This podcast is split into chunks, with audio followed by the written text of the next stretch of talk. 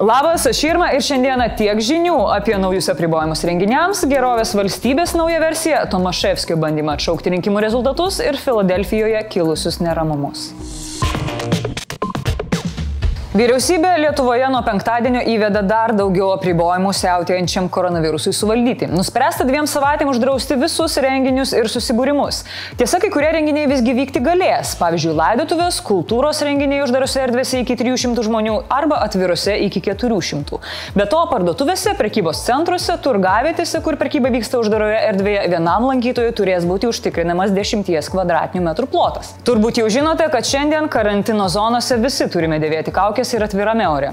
Ir žinoma, laikytis visų kitų reikalavimų, kurie galiojo iki šiol. Tai yra plauti rankas, laikytis atstumo ir, jei įmanoma, dirbti per nuotolį. Paklaustas, ar nebūtų logiška skelbti visuotinio karantino visoje Lietuvoje, premjeras atsakė štai ką. Ne, nebūtų logiška ir pridūrė, kad pagal nustatytus kriterijus savivaldybės buvo suskirstytos į tris grupės ir to bus laikomasi. Vakar Vilniaus miesto meras piktinosi nueinančios valdžios nenuseklumu. Savo Facebook profilyje Remigijus Šimašius klausė, kodėl vienu metu uždraudžiamas tinklinio burelis dešimčiai vaikų, bet tuo pačiu metu leidžiama tūkstančiams rinktis į arenas. Bet to jis sakė, kad tokią prastą situaciją, kokią turime dabar, lėmė prasta vadyba ir pavėluoti valdžios sprendimai. Nuo Vilniaus savivaldybė šiandien Facebook'e pasidalina šmaikščių įrašų, kuriame rodo, kaip teisingai dėvėti kaukę kaukė. Kaip neteisingai kaukės nešiojančius vertinate jūs ir kokiu baisiausiu kaukė nešiojimo atveju esate matę? Parašykite komentarus. Aš juos tikrai skaitau. Gitanas Nausėda pristatė atnaujintą gerovės valstybės viziją - versija 2.0. Ši turėtų būti optimizuota ir be bagų. Apdeitintame ir paturbintame variante prezidentas iš naujos vyriausybės reikalaus dar daugiau realių reformų ir teiks dar daugiau realių pasiūlymų. Kitaip sakant, jis tikisi, kad naujieji valdantieji jo nemiutins kaip ankstesnieji. Tai reiškia, kad gerovės valstybė turi būti stipri, teisinga, žalia ir inovatyvi. Nemažai vilčių ir tikslų keliama pandemijos valdymui.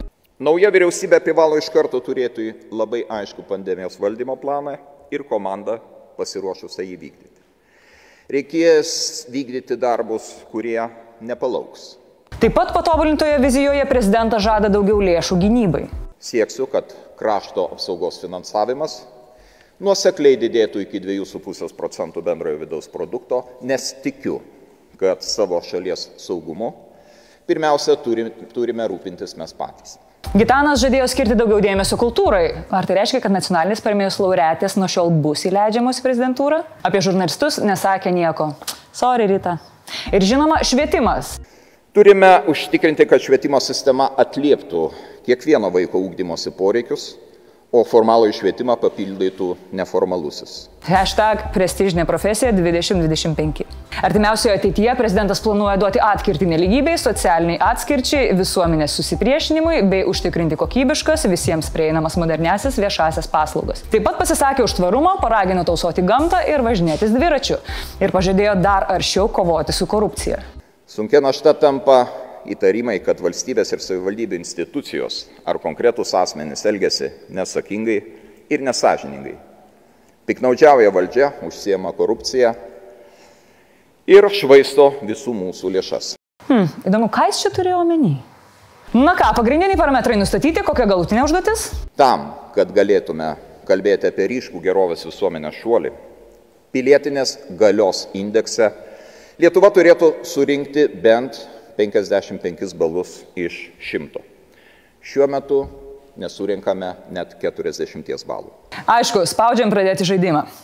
Jaučiu, kad ateinančius keturis metus bus karšta. Kaip žinia, šiuose Seimo rinkimuose Valdemaro, e, atsiprašau, Valdemaro Tomaševskio Lietuvos Lenkų rinkimų akcija neperkopė 5 procentų kartelės ir nepateko į Seimą. Dėl šios situacijos Tomaševskis kaltina Andrių Tapiną, linkėjimai Andriu, ir jo vykdytą kampaniją, kuria siekta, jog Tomaševskininkams būtų užtrenktos parlamento duris. Lenkų rinkimų akcija Krikščioniškų šeimų sąjunga kreipėsi į prezidentą ir Seimą bei paprašė naikinti rinkimų rezultatus. Viskas toliau vyks taip. Prezidentas ir Seimas gavę skundą gali per dvi paras kreiptis į Konstitucinį teismą dėl įstatymo pažeidimų. Šis įvertins, ar pažeidimai padaryti. Jeigu paaiškėja, kad jie buvo itin šiurkštus ir turėjo esminės įtakos rezultatams, Seimas sprendžia, ką daryti toliau. Ramūnas Karbauskis irgi nėra patenkintas akcija viso gero Valdemortai ir palaiko kreipimąsi į Konstitucinį teismą. ir partija, prieš kurią jį nukreipta, pralaimi rinkimus ten 0,6 procentų. Tai aš suprantu Lenkų rinkimo akcijos pasipiktinimą. Manau, kad Seimas iš tikrųjų galėtų kreiptis į Konstitucinį teismą savo nutarimu ir, ir gauti atsakymą į tai, kaip Konstitucinis teismas vertina tokią akciją. Prezidentas patvirtino, kad gavo kreipimąsi ir jį perdavė prezidentūros teisės grupiai. Taip kreipimąsi mes ką tik tai gavome, aš pavedžiau savo teisės grupiai įvertinti e, jo e, argumentus ir tik tada mes priimsime sprendimą dėl kreipimosi. O kol sprendžiamas šitas reikalas, aš noriu palinkėti savizolacijoje gyvenančiam Andriui Tapinui sveikatus ir greičiau grįžti į darbą. Junktinės valstijas vėl krečia neramumai. Per Filadelfijoje kilusius protestus sužeista jau daugiau nei 30 pareigūnų. Padėčiai nuraminti pasitelkta ir nacionalinė gvardija. Protestai įsiplėskė pirmadienio vakarą, kai tos pačios dienos popietę du pareigūnai atvykę iš kvietimą nušovė peilių ginkluotą Walterį Wallace'ą. Anot pareigūnų atvykę iš kvietimą jie pamatė vyrą grėsmingai mosuojant peiliu, todėl ėmėsi veiksmų. Kaip sakė žuvusio vyro motina, jos sunus turėjo psichikos sveikatos problemų ir sirgo bipoliniu sutrikimu, o konflikto metu jį buvo ištikusi krizė. Vaikino tėvas Walteris Volasas vyresnysis pridūrė, kad pareigūnai turėjo sureaguoti švelniau ir griebtis kito situacijos sprendimo būdo. Nužudytojo vyro šeimos advokatas taip pat sukritikavo policininkus, sakydamas, kad jie nebuvo pasiruošę jokios alternatyvos ginklui ir net neturėjo tazerių. Jo nuomonė, Amerikos pareigūnai yra treniruojami žudyti, o nespręsti iškilusius konfliktus. Nušautas vaikinas buvo juododis, o policininkai baltaodžiai todėl incidentas vėl išprovokavo protestus prieš institucinį rasizmą ir policijos žiaurumą, o įsiplėskė protestai ir vėl virto riaušėmis. Volasų šeima paprašė protestus tęsti taikiai ir susilaikyti nuo vagysčių ir turto niokojimo. Tikimės šie žodžiai pasieks įtūžusios minios ausis. Blitz naujienos. Lietuvoje per parą patvirtinti 776 nauji COVID-19 atvejai ir 3 mirtys. Daugiausiai naujų atvejų fiksuojama Vilniuje, Kaune ir Klaipėdoje. Padėtis blogėja ir Šiauliuose. Dėl blogėjančios padėties COVID-19 pacientai bus guldomi ir Vilniaus miesto klinikinėje ligoninėje. Iš viso jiems bus įrengta 130 lovų. Lietuvos kariuomenė pranešė, kad joje COVID-19 patvirtinta daugiau nei 100 asmenų, todėl daugiau nei 600 žmonių priversti izoliuotis.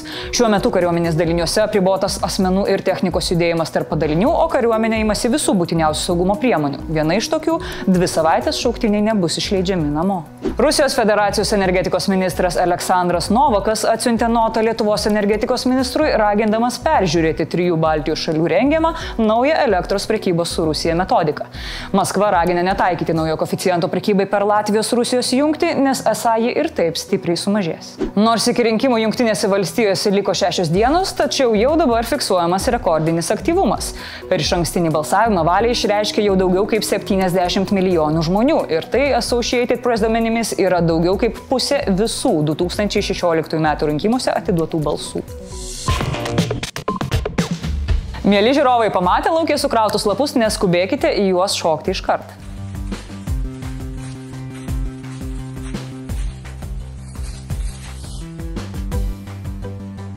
Atsisveikinu su jumis iki rytojaus, o mūsų patreonus kviečiu vakare žiūrėti klausimų atsakymų vakarą su Birutė Davidonytė ir Dovydu Pancerovu. O aš sakau, tiek žinių.